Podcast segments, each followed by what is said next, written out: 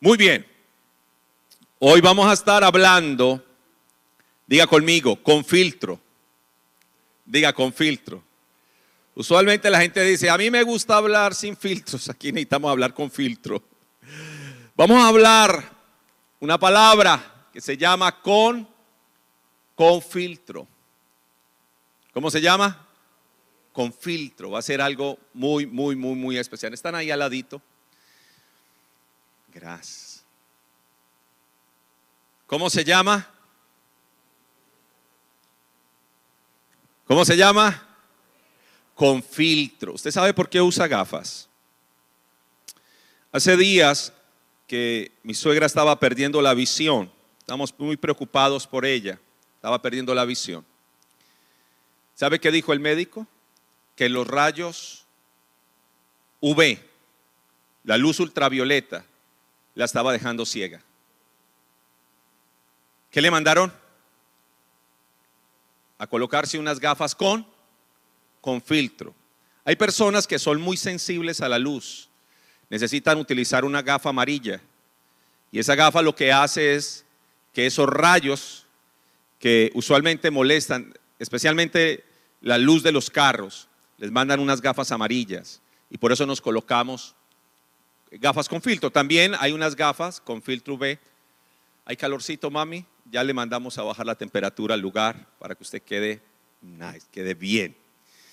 Entonces, todo esto, porque nosotros necesitamos de una u otra manera protegernos. También cuando usted hace café, ¿usted qué le pone a la cafetera?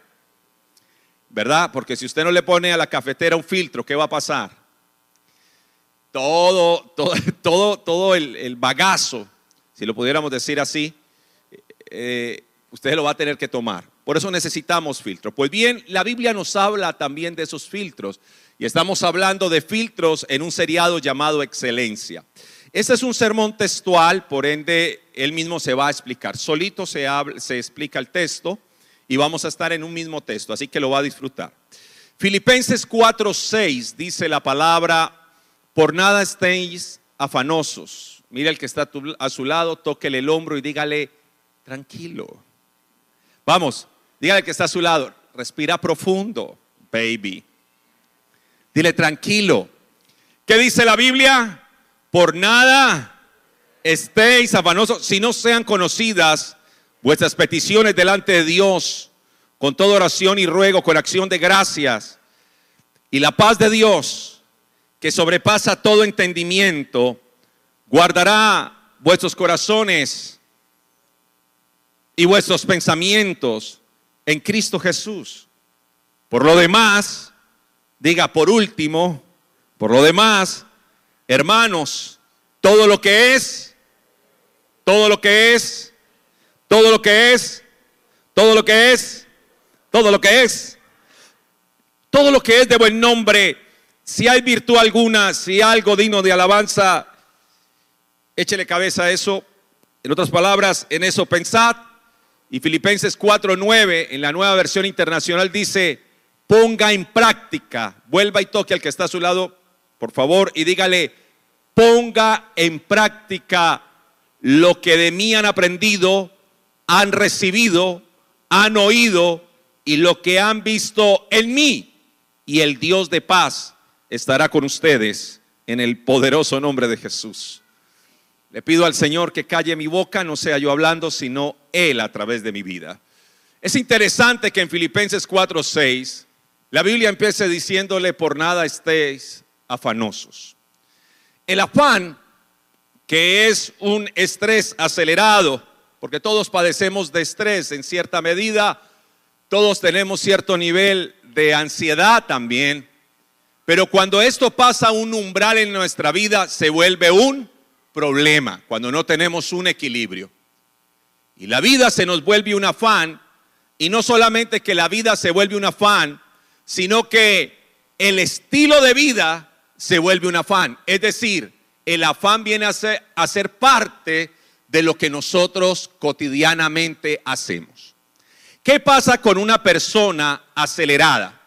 Hay dos hormonas que se liberan cuando una persona está acelerada. La primera es la hormona del estrés llamada cortisol.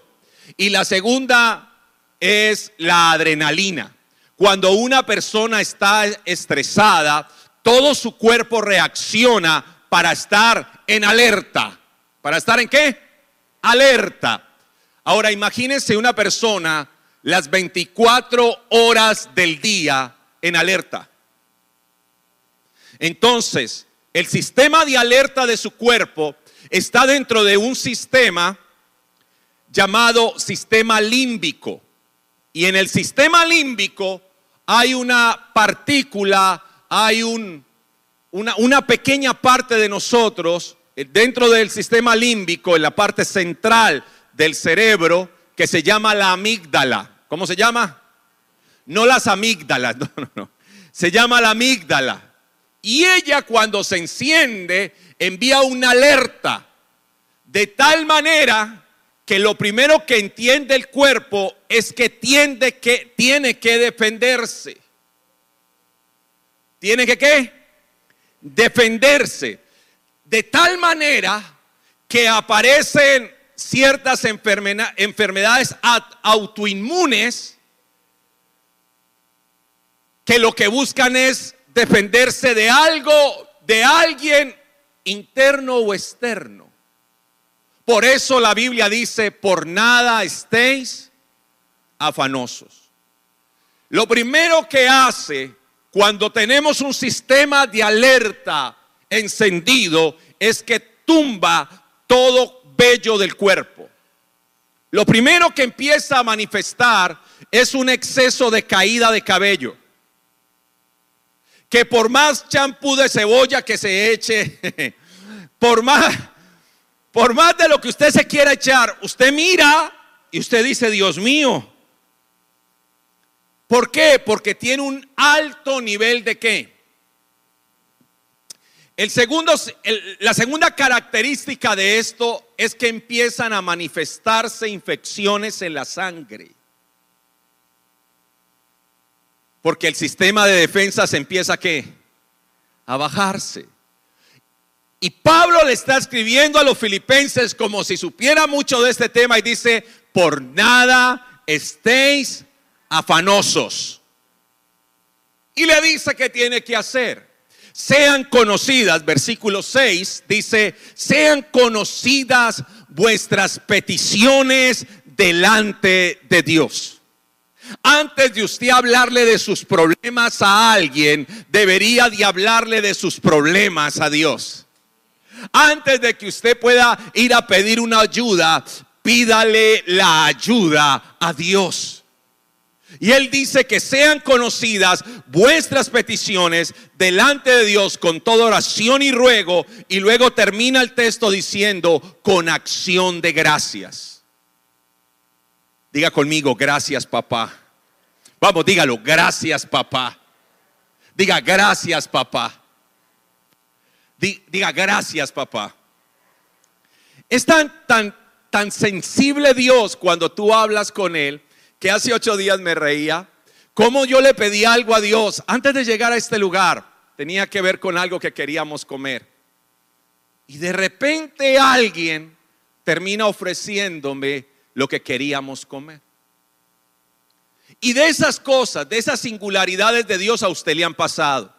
Donde usted dice, Señor, yo quisiera esto y al momento Dios te abre la puerta. Donde usted dice, Señor, yo quisiera este mes ganar tanto y de repente Dios lo hace. ¿Por qué? Porque cuando usted empieza a hablar con Dios, Dios habla contigo. La oración no es para quebrarle el brazo a Dios, es para moldearlo a usted. Tienes que aprender que la oración no es algo fortuito, la, oración debe de ser algo permanente. Y luego dice la palabra, y la paz de Dios, diga la paz de Dios. Hay una expresión hebrea que es shalom ha, shalom he, que quiere decir, la paz con que yo voy es la misma paz con que yo regreso. La paz de Dios. Y dice el texto, esa paz sobrepasa todo qué. ¿Qué hace? Sobrepasa todo entendimiento. Pero ¿cómo puede usted estar tranquila sabiendo que mañana, porque oré a Dios? ¿Cómo puede usted estar tranquila sabiendo que le dieron ese dictamen? Dígalo, dígalo, porque oré a Dios. Pero ¿cómo puede estar usted ah, tan tranquilo sabiendo que mañana tiene esa reunión? Porque oré a Dios. Esa paz sobrepasa todo qué? Y va a guardar, ¿qué guarda? Va a guardar su corazón. Y no solamente va a guardar su corazón, porque la misma Biblia dice que de toda cosa guardada aprende a guardar tu corazón. Es decir, aprenda a, guardar eh, o a protegerse de lo que usted va a guardar en su corazón.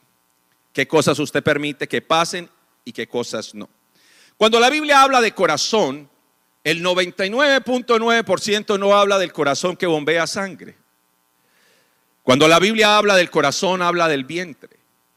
Dice del vientre, hablando de corazón, que no es lo que entra lo que lo contamina, sino lo que qué. Y yo ya se los he enseñado porque uno ama con las entrañas. Usted no ama con este corazón, usted ama con el intestino grueso.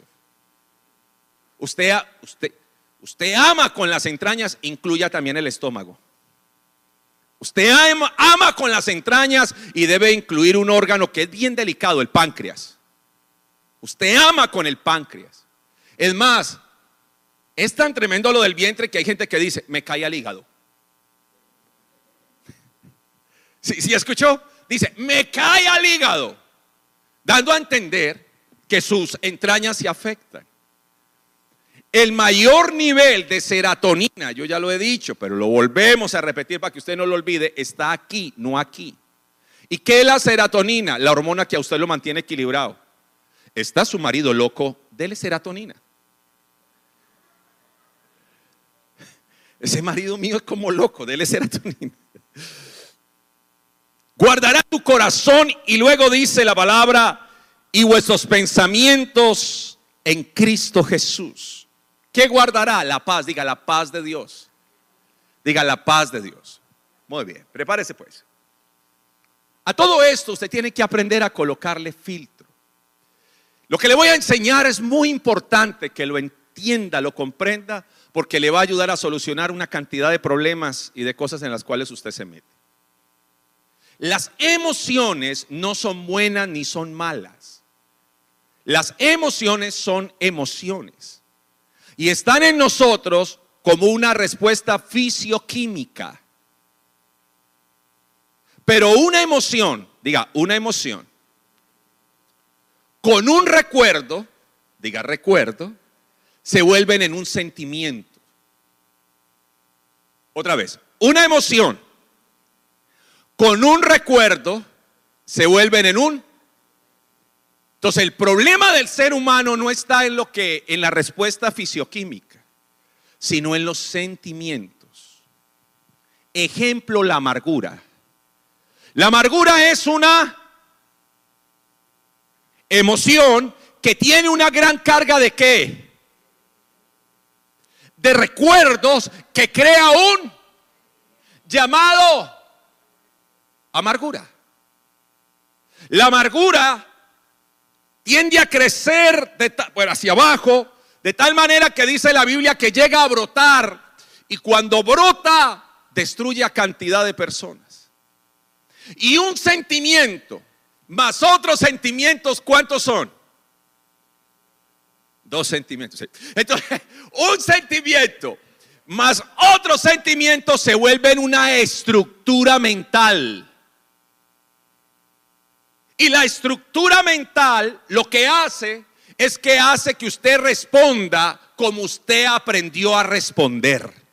Que usted actúe como usted aprendió a actuar. Ejemplo, enamorado.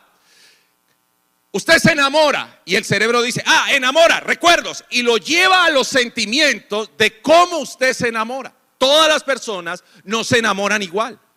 Hay hombres que los enamoran los pies de la mujer, para que vea. Hay hombres que los enamora el cabello de la mujer. Hay hombres que los enamora las manos de la mujer. Estoy siendo decente, ¿cierto? Y que a mí me toca que ser decente aquí, ¿qué quiere? Ahora, escuche esto. ¿Por qué? Porque nosotros nos enamoramos de acuerdo a una estructura mental que tenemos. Y en esa estructura, recuerda de dónde comenzó. Comenzó en una qué? Emoción con un recuerdo y esa emoción y recuerdo crearon un el sentimiento y un sentimiento más otro sentimiento crean una qué? Una estructura mental. Y la estructura mental, ejemplo, una estructura mental de psicorrigidez. ¿De dónde viene? De una emoción con un con un recuerdo. Entonces, lo que usted tiene que mirar, amados, son sus sentimientos. ¿Qué hay ahí que tiene que trabajar con Dios? Porque esos sentimientos tienen una carga de pensamientos y una carga emocional que le están haciendo daño. Si fuera solo cambiar emociones, pero a veces hay que cambiar son esos sentimientos. Pero hay que sonar esos qué? Pensamientos. Dice el apóstol Pablo en este texto, y vuestros pensamientos en Cristo Jesús. Pero también habla de guardar el corazón donde yacen los sentimientos. Y dice que los sentimientos y los pensamientos los guarde. Y ahora pone un filtro y dice, por lo demás, diga, por lo demás. Vamos, dígalo, por lo demás. Ahí está, por lo demás. Por último, por lo demás. Ya usted sabe cómo se construyen las estructuras mentales. Entonces él dice, a partir de ahora que usted tiene las estructuras, el corazón y los pensamientos, usted se va a poner un filtro. Se va a poner un filtro. ¿Para qué? Para vivir su vida.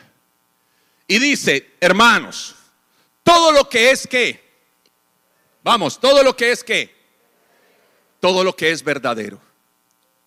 La verdad no niega la realidad. Hace un tiempo les contaba en algún momento de una señora que yo la veía retorcerse. Y yo le decía, ¿qué tiene? Y ella me decía, ¿qué tiene? Parecía una gallina con cólicos. ¿Qué tiene? ¿Por qué? Porque a mí me enseñaron que yo no podía decir lo que tenía. La verdad no niega la realidad. No le digas a Dios cuán grande es tu problema. Dile a tu problema cuán grande es Dios. No se trata que, que usted no diga que padece de algo. Se trata que usted tiene una qué? Verdad, esta verdad que pese a lo que usted padece, la Biblia dice, yo sé que mi redentor vive. Entonces dice, por lo demás, diga lo demás. Todo lo que es que opere en la verdad, no en la mentira. No se vuelva mitómano. Opere en la qué? La, la verdad duele, sí o no. No. Dígame dónde dice la Biblia que la verdad duele. La mentira duele. La Biblia dice, conoceréis y la verdad. Ah. Entonces, ¿por qué si sabemos la verdad, operamos en la mentira? ¿Por qué? Por una estructura. Yo les decía algún día el versículo que dice, no me vuelvo a enamorar Totalmente, ¿para qué? Si la primera vez, ¿qué está hablando? De una estructura. Y cree que no se puede volver a enamorar. Le pregunto, ¿se puede volver a enamorar? ¿Sí o no? Pero ¿qué es lo que hace que no quiera volverse a enamorar? Dígamelo. No, más que un recuerdo. Si fuera un solo recuerdo, más que un sentimiento, ya es una qué? ya es una estructura mental. La Biblia dice, derribando todo argumento y toda... ¿Por qué dice derribar? ¿Por qué no dice reprender? ¿Por qué no dice desechar? ¿Por qué dice derribar? Dígalo. ¿Por qué? Porque se volvió una qué? Una estructura. Por eso hay que derribarlo. Y se derriba con la qué? ¿Qué dice la palabra? Por lo demás, hermanos, todo lo que es verdadero, todo lo que es verdadero. ¿Cómo se derriba una estructura mental? ¿Con qué? Con la verdad. Vamos a hablar de una estructura mental, la desconfianza. Promesas que tus padres te hicieron, recuerdos que tus padres hicieron que no te cumplieron. Eso cargó tu corazón de tristeza, eso creó un sentimiento y vez tras vez te fallaron y se volvió una qué. ¿Qué se volvió? Una estructura. ¿Cómo derribo la desconfianza? Además que me gusta el versículo que dice, maldito el que confía, maldito el hombre que confía en otro hombre y pone carne por su brazo. Entonces el versículo me gusta porque yo desconfío. Pero ¿cómo puedo derribar? Muéstreme en esta verdad cómo derribo la desconfianza. Deme una palabra que esté en esta Biblia, en estos 1189 capítulos, un solo versículo que me lleve a derribar la desconfianza. Uno.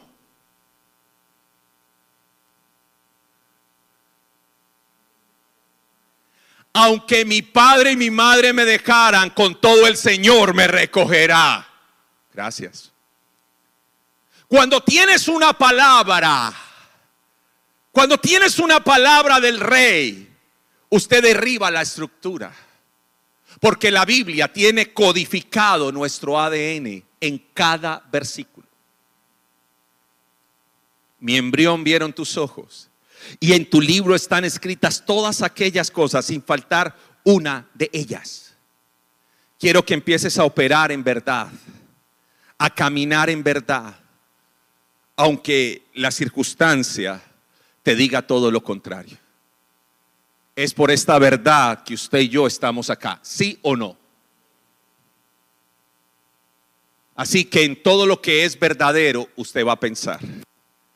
No le niego la realidad, pero le digo a esa realidad que hay una verdad. Segundo, ahora pide que usted sea qué.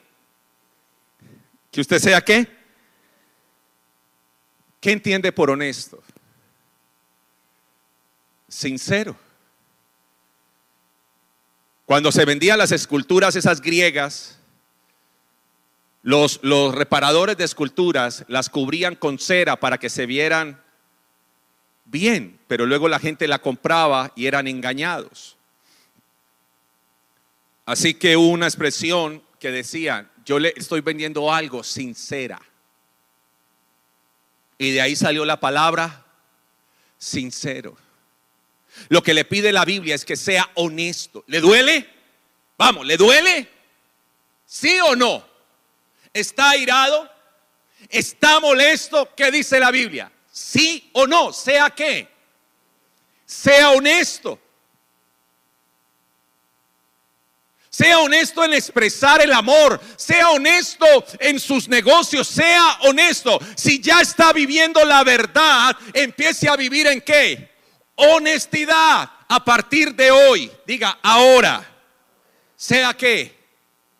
Honesto. En un mundo de tanto fingimiento. ¿Usted cuando ha visto una foto fea en, en TikTok? En Instagram. Luego dice la Biblia que sea que. Yo no puedo operar en mi propia justicia. La Biblia dice que mi propia justicia es igual, escuche esto, mi propia justicia es igual a un trapo de inmundicia. ¿Qué eran los trapitos de inmundicia en ese tiempo? Como no habían toallas higiénicas, la mujer cogía unos trapitos, los doblaba en su tiempo de menstruación y era lo que se colocaba. Y la Biblia dice que mi justicia, lo más justo mío, es igual a un trapo de injusticia.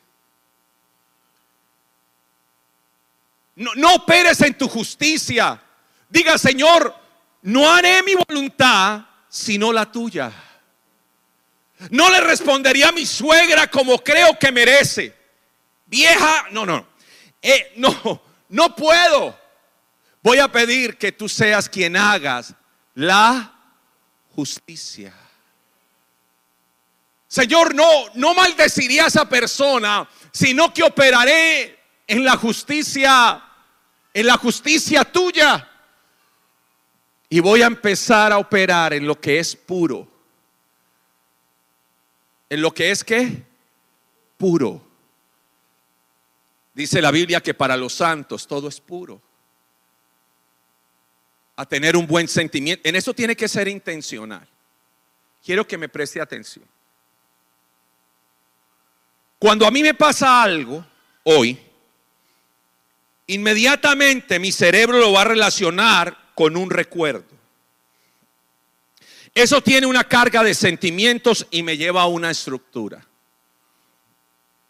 Si hay algo que a mí me cuesta, a Juan Carlos Villa le cuesta, por estructura, es que lo humille. Eso me cuesta demasiado. Y yo he tenido que luchar con eso. De tal manera, y Jessica lo sabe, que hasta donde más pueda valerme por mí, para no exponerme a, humillación, lo hago. Pero por una qué? ¿Por una qué? Estructura. Sin embargo, al llegar a Cristo me di cuenta que somos una familia y que debemos de apoyarnos los unos, aunque a mí me cueste, por estructura, exponerme a alguien. ¿A ti qué te cuesta? Por estructura, ¿qué te cuesta? ¿Te cuesta abrazar? ¿Te cuesta dar un beso? ¿Te cuesta ayudar? Y la Biblia dice, todo lo que es, todo lo que es puro, dice en el pensamiento, porque aquí es donde va esto. Cuando usted está molesto, sus pensamientos tienden a hacer lo más falso que hay, lo menos honesto, lo menos justo y lo menos puro. ¿Sí o no? Eso. Porque cuando tenemos un malestar en nosotros, las emociones que se sienten, los recuerdos y la estructura, hermano, con lo que usted tiene que batallar es muy grande. Y usted tiene que ser intencional. Es más, en la mente usted ya lo mató. En la mente usted ya se divorció. Es más tremendo, en la mente ya adulteró. Porque la Biblia dice que si yo volteo a mirar una mujer y y la codicio, ya adulteré. Entonces Pablo, al terminar el versículo, dice, en esto que sea intencional para que su corazón sea puro. Y luego le dice, sea que amable. Deje la puerta para cuando usted tenga que entrar. Diga buenos días, diga buenas tardes, diga buenas noches. A veces solo se necesita regalar una sonrisa. Mire al que está a su lado, regálele una sonrisa. Pero no me mire a mí, mire al que está a su lado, mire al que está a su lado. Al principio lo va a mirar así como, pero luego va a ser amable. Una sonrisita, una carita feliz por lo menos, hágale así. Usted dice, no, señor, es bravo. Entonces hágale así. La Biblia dice que debemos de ser como amables. Y luego dice, todo lo que es de buen, ¿para qué le va a dañar la reputación a alguien? Entonces vengo y hablo con Rosemary de Talita y le digo, esa Talita es maravillosa. Usted no la ha visto cantando, eso es una cosa impresionante. Y usted dice, pero me, me, me parece un poquito petulante. Es solo un ejemplo. Perdón. Estoy, ¿por qué le queremos quitar el buen nombre a alguien? Hablemos bien del otro. Porque la Biblia dice que cuando hablas bien del otro está haciendo qué? Devuélvase. Amable y tiene un corazón. Y además es. Y además. Y opera la. Sea amable, pero además respete el buen nombre del otro. No estaba una mujer danzando y danzaba y ra, ra, ra, Y la volteé a mirar y me miró feo y yo dije, esta vieja atrevida. Y la profeta Amparo Segovia llega y, al final del servicio está una, una cosa impresionante y me dice, mira, Dios te manda a exhortar, ¿por qué insultaste en tu mente a la niña que danza? Qué susto tan tremendo. Primero porque yo le tenía como miedo a esa señora y segundo, ¿cómo sabía esa señora lo que yo estaba pensando, hijo? Y yo voy y le digo a la de danza temblando y le digo, señorita, es que yo dije que usted era una, bueno, yo dije, realmente fue una palabra más fuerte, pero dije, usted, y me dijo, ay, qué pena, Juancito, como me dice Juan Tobón, Juancito, es que tenía un dolor de cabeza. Y yo pensando que me estaba mirando feo. La Biblia dice, el buen qué. Y luego dice, si hay virtud alguna. Usted trabaja, ¿cuántas horas tiene un día? Y usted trabaja 23 y duerme solo una hora. Y esas 23 horas usted las trabaja para sacar a sus hijos adelante. Solo duerme una hora. ¿Eso tiene virtud? ¿Sí o no? ¿Qué es eso? Sí, no. Eso es una cruz. ¿Cómo así? ¿Qué es eso? Le estoy preguntando. Usted trabaja 23 horas. ¿Cuántas horas tiene un día? 24. ¿Usted trabaja 23, le queda una para dormir. ¿Tiene virtud, sí o no? ¿qué que sí, no? No. ¿Por qué? Porque si usted no duerme, le voy a decir lo que me dijo el oncólogo. Todo funciona si usted está bien. Si usted no está bien, nada funciona. La pregunta que hace Pablo es si hay virtud alguna. Esposo, Sí, mi amor. ¿Usted qué hizo la plata? Es que un amigo mío estaba en un, voy a decir lo que dicen en Colombia, estaba embalado, estaba embalado. Y yo lo ayudé. Es decir, estaba en aprietos, estaba en crisis. Sí, pero era la comida de tus hijos. Y como la Biblia dice que hay que ayudar al prójimo, no, no digamos un amigo, para que no sea suave, una amiga. ¿Usted qué hizo la plata? se la presté a una amiga. La Biblia dice que si eso tiene que, hay cosas que son buenas, son buenas sí o no. Sí. Es más, es un mandamiento de la Biblia, sí o no. Sí. Pero no tienen virtud. Se lo voy a explicar. Había una familia de un hombre llamado Recap. ¿Cómo se llamaba? Recap. La familia de Recap. Le llamaban los recabitas. Y él les dijo a ellos tres cosas. La primera, no tomarán vino. nadie de aquí se va a emborrachar. ¿Cuántos dicen amén? no tomarán vino. La segunda, no podían construir casas. No podían construir casas. Y tercero, cada año tenían que moverse del lugar donde estaban. Y viene la palabra a través de un profeta, Jeremías, y Dios le dice, dígale a, los, a la familia de los recabitas que se tomen el vino que hay en el templo.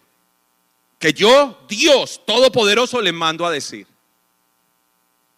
Y Jeremías, el profeta, viene, eso está en la Biblia, y les dice, venga, de parte de Dios Todopoderoso, que se tomen todo el vino que hay en el templo. Y los recabitas le dicen, ¿quién dice? Dios le, dijo, le dijeron, mire profeta, respetamos, lo respetamos a usted y la palabra de Dios. Pero mi papá, nuestro padre, nos dio un mandamiento. ¿Cuál? Que no podíamos tomarnos el vino del templo. Así que ni le obedeceremos a usted ni a Dios. Porque ya hay un mandamiento antes de eso.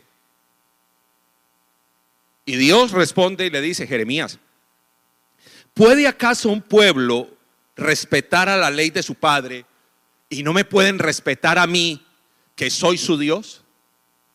¿Puede acaso un pueblo respetar a su papá e Israel no me puede respetar a mí? ¿Puede haber un hombre, una familia tan íntegra y no haber un pueblo como Israel que sea íntegro para mí? Así dice el Señor, le dice a él. A partir de hoy no faltará en mi presencia un hombre de la familia de Recap. Quiere decir, era mandamiento, sí o no. Sí, pero ¿había virtud en hacer eso? No. ¿Por qué? Porque estarían desobedeciendo a su papá. Y su papá, de parte de Dios, ya les había dicho, no beberán. En otras palabras, yo puedo coger un versículo de la Biblia y acomodarlo para mí. Y si yo cojo la Biblia y la empiezo a acomodar para mí, no tiene virtud, aunque sea un mandamiento. Ejemplo, venir a donde Eni, un ejemplo, y darle un versículo que tiene que ver con que ella debe ser dadivosa. Ella es dadivosa pero yo lo utilizo para que ella me dé algo a mí. Eso no tiene virtud. Entonces la Biblia, ¿está claro? Hay cosas que usted está haciendo, sí, pero no tiene virtud. Pastor, ¿qué? No, yo soy capaz de dormir diariamente solo tres horas. ¿Tiene virtud? No, que usted pueda, usted puede con todo, pero le pregunto, ¿tiene virtud? Pastor, yo soy capaz de aguantar toda una semana hambre. Yo soy capaz. No es que usted es capaz, pero tiene virtud. No. Pastor, yo soy capaz de comerme siete hamburguesas ahora en el almuerzo. Quedar así. Ah, si la tenía escondida, ma. ¿Tiene virtud? No. No tiene virtud. Hay cosas que hacemos que no tienen virtud, porque exponemos a nuestra esposa. De repente usted, lo voy a tomar como ejemplo, usted es muy capcioso, juguetón con su esposa. Y estamos en una reunión de amigos y usted empieza a ridiculizar a su esposa o a su esposo para que todos nos riamos. ¿Tiene virtud? Cabezón. Nunca ridiculices a tu esposa o a tu esposo en una reunión de parejas. Nunca. Porque eso no tiene ¿Claro o no? Muy bien. Vamos pues, vamos a terminar. Si hay algo digno de qué?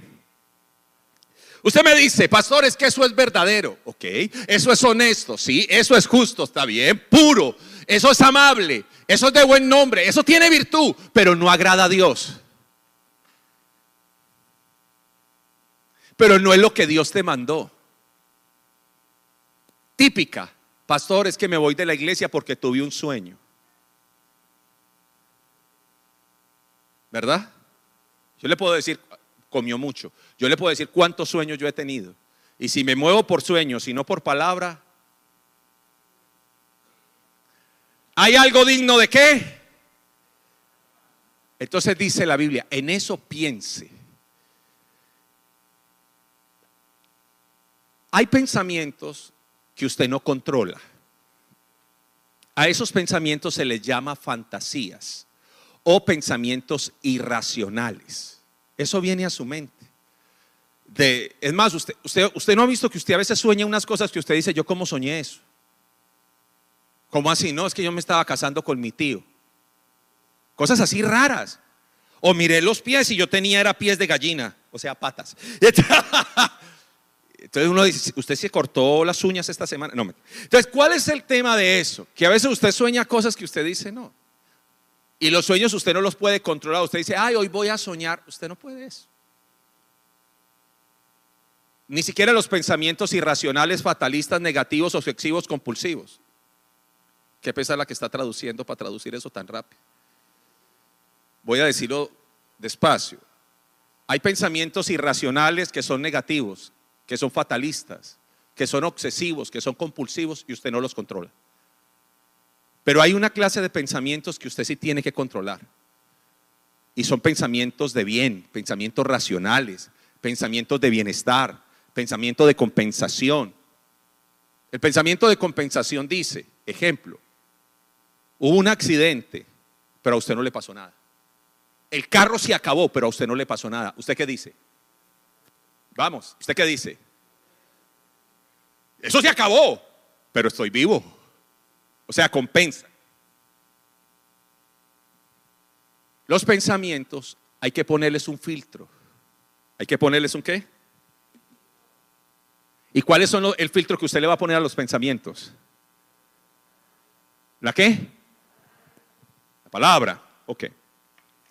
Viene un pensamiento de envidia. Entró una hermana con unos tacones rojos. Espero que ninguna esté de rojos hoy. Pero entró una hermana con tacones rojos. Suela azul. No sé qué marca es, pero sé que uno le mira el color de la suela. Es de otro color y uno dice, esos son finos. Pero entra, entra así, tran, tran. Y vamos a ser sinceros, a usted le dio envidia porque usted le dijo, Señor, yo quiero comprármelos esta semana. Y los compró ella. Voy entrando hoy con mis botas y me paro y digo, Cristian tiene las mismas botas hoy. Le miré y dije, son igualitas. ¿Será que las compró en la misma tienda? Pero digamos que nos da envidia. ¿Cómo, usted? Deme un versículo para que usted no le dé envidia. Deme un versículo para derribar la envidia. Porque usted acaba de sentir envidia. En algo usted dirá, pero a mí me quedan mejor. Envidia. Entonces la pregunta que le hago hoy es cómo, como la palabra me filtra, ¿qué versículo hay en la Biblia para derribar la envidia en mí. Deme uno, todos los que están acá en casa, póngalo ahí en el, en el, en el chat, en Facebook. Deme un versículo para derribar la envidia. Ayúdate que yo te ayudaré. No. Puestos en pie, por favor. Póngase sobre sus pies.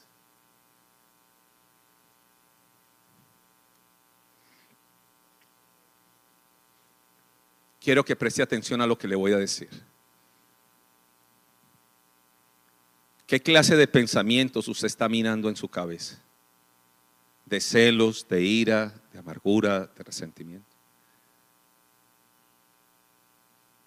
Y está este texto que dice en lo que usted realmente debe de pensar. Y es el llamado de Dios hoy a que usted filtre esos pensamientos con la palabra de Dios.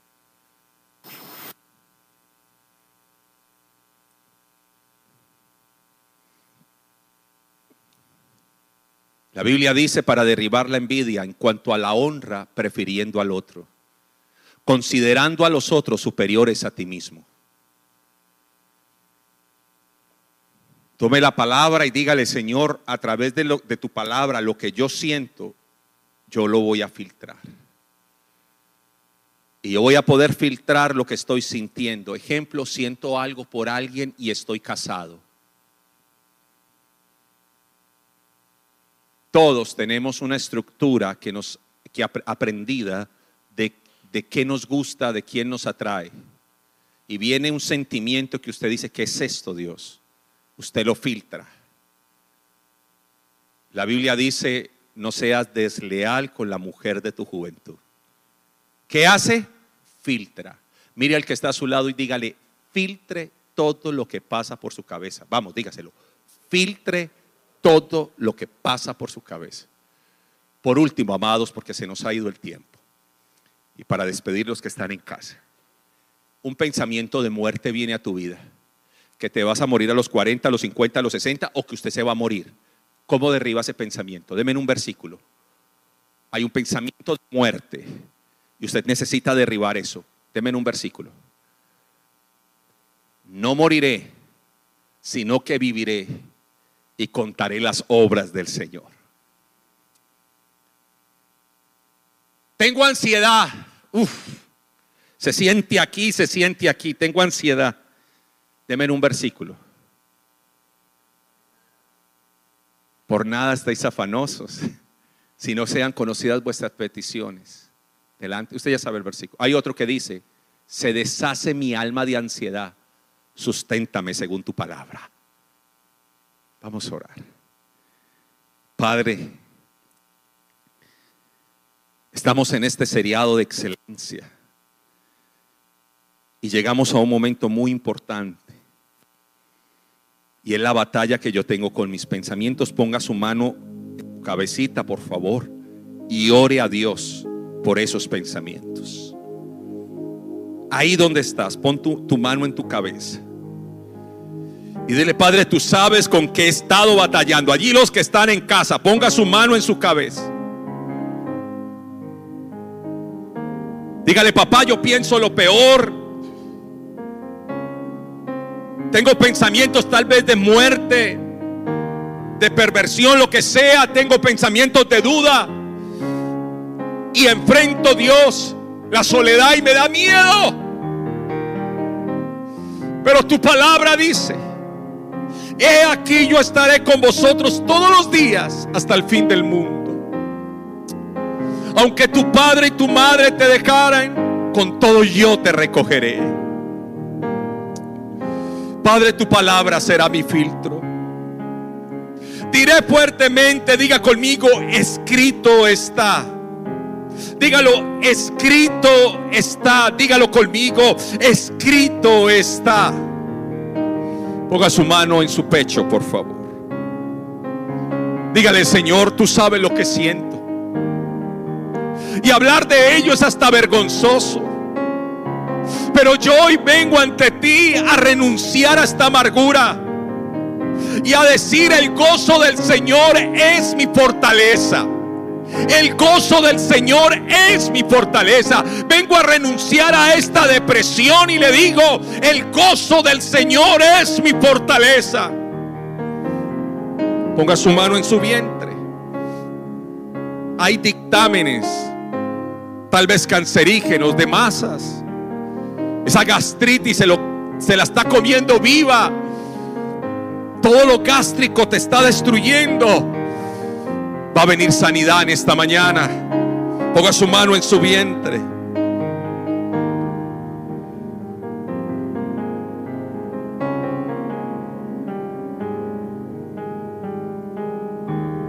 Dígale, papá, yo recibo vida. Yo he venido para que tengan vida y la tengan en abundancia. Padre, yo recibo vida. Hoy renuncio a la hiel de amargura. Declaro un vientre sano. Aquellos que tienen problemas gástricos reciban sanidad en el poderoso nombre de Jesús. Reciban sanidad. Si alguno tiene algún problema en la sangre, reciba sanidad en el nombre de Jesús.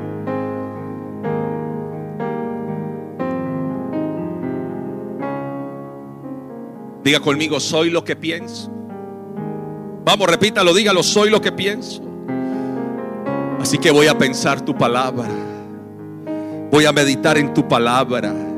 Me voy a aprender la palabra. Voy a practicar esa palabra en el poderoso nombre de Jesús. Padre, te doy gracias. Gracias. Están produciéndose sanidades en este momento. Todo colon inflamable, todo, todo colon perezoso, recibe sanidad. Levante sus manos y reciban sanidad. Diferentes sanidades van a recibirlas. Artritis, artrosis, por falta de perdón, hoy, hoy se libera y hay sanidad en, en el nombre de Jesús.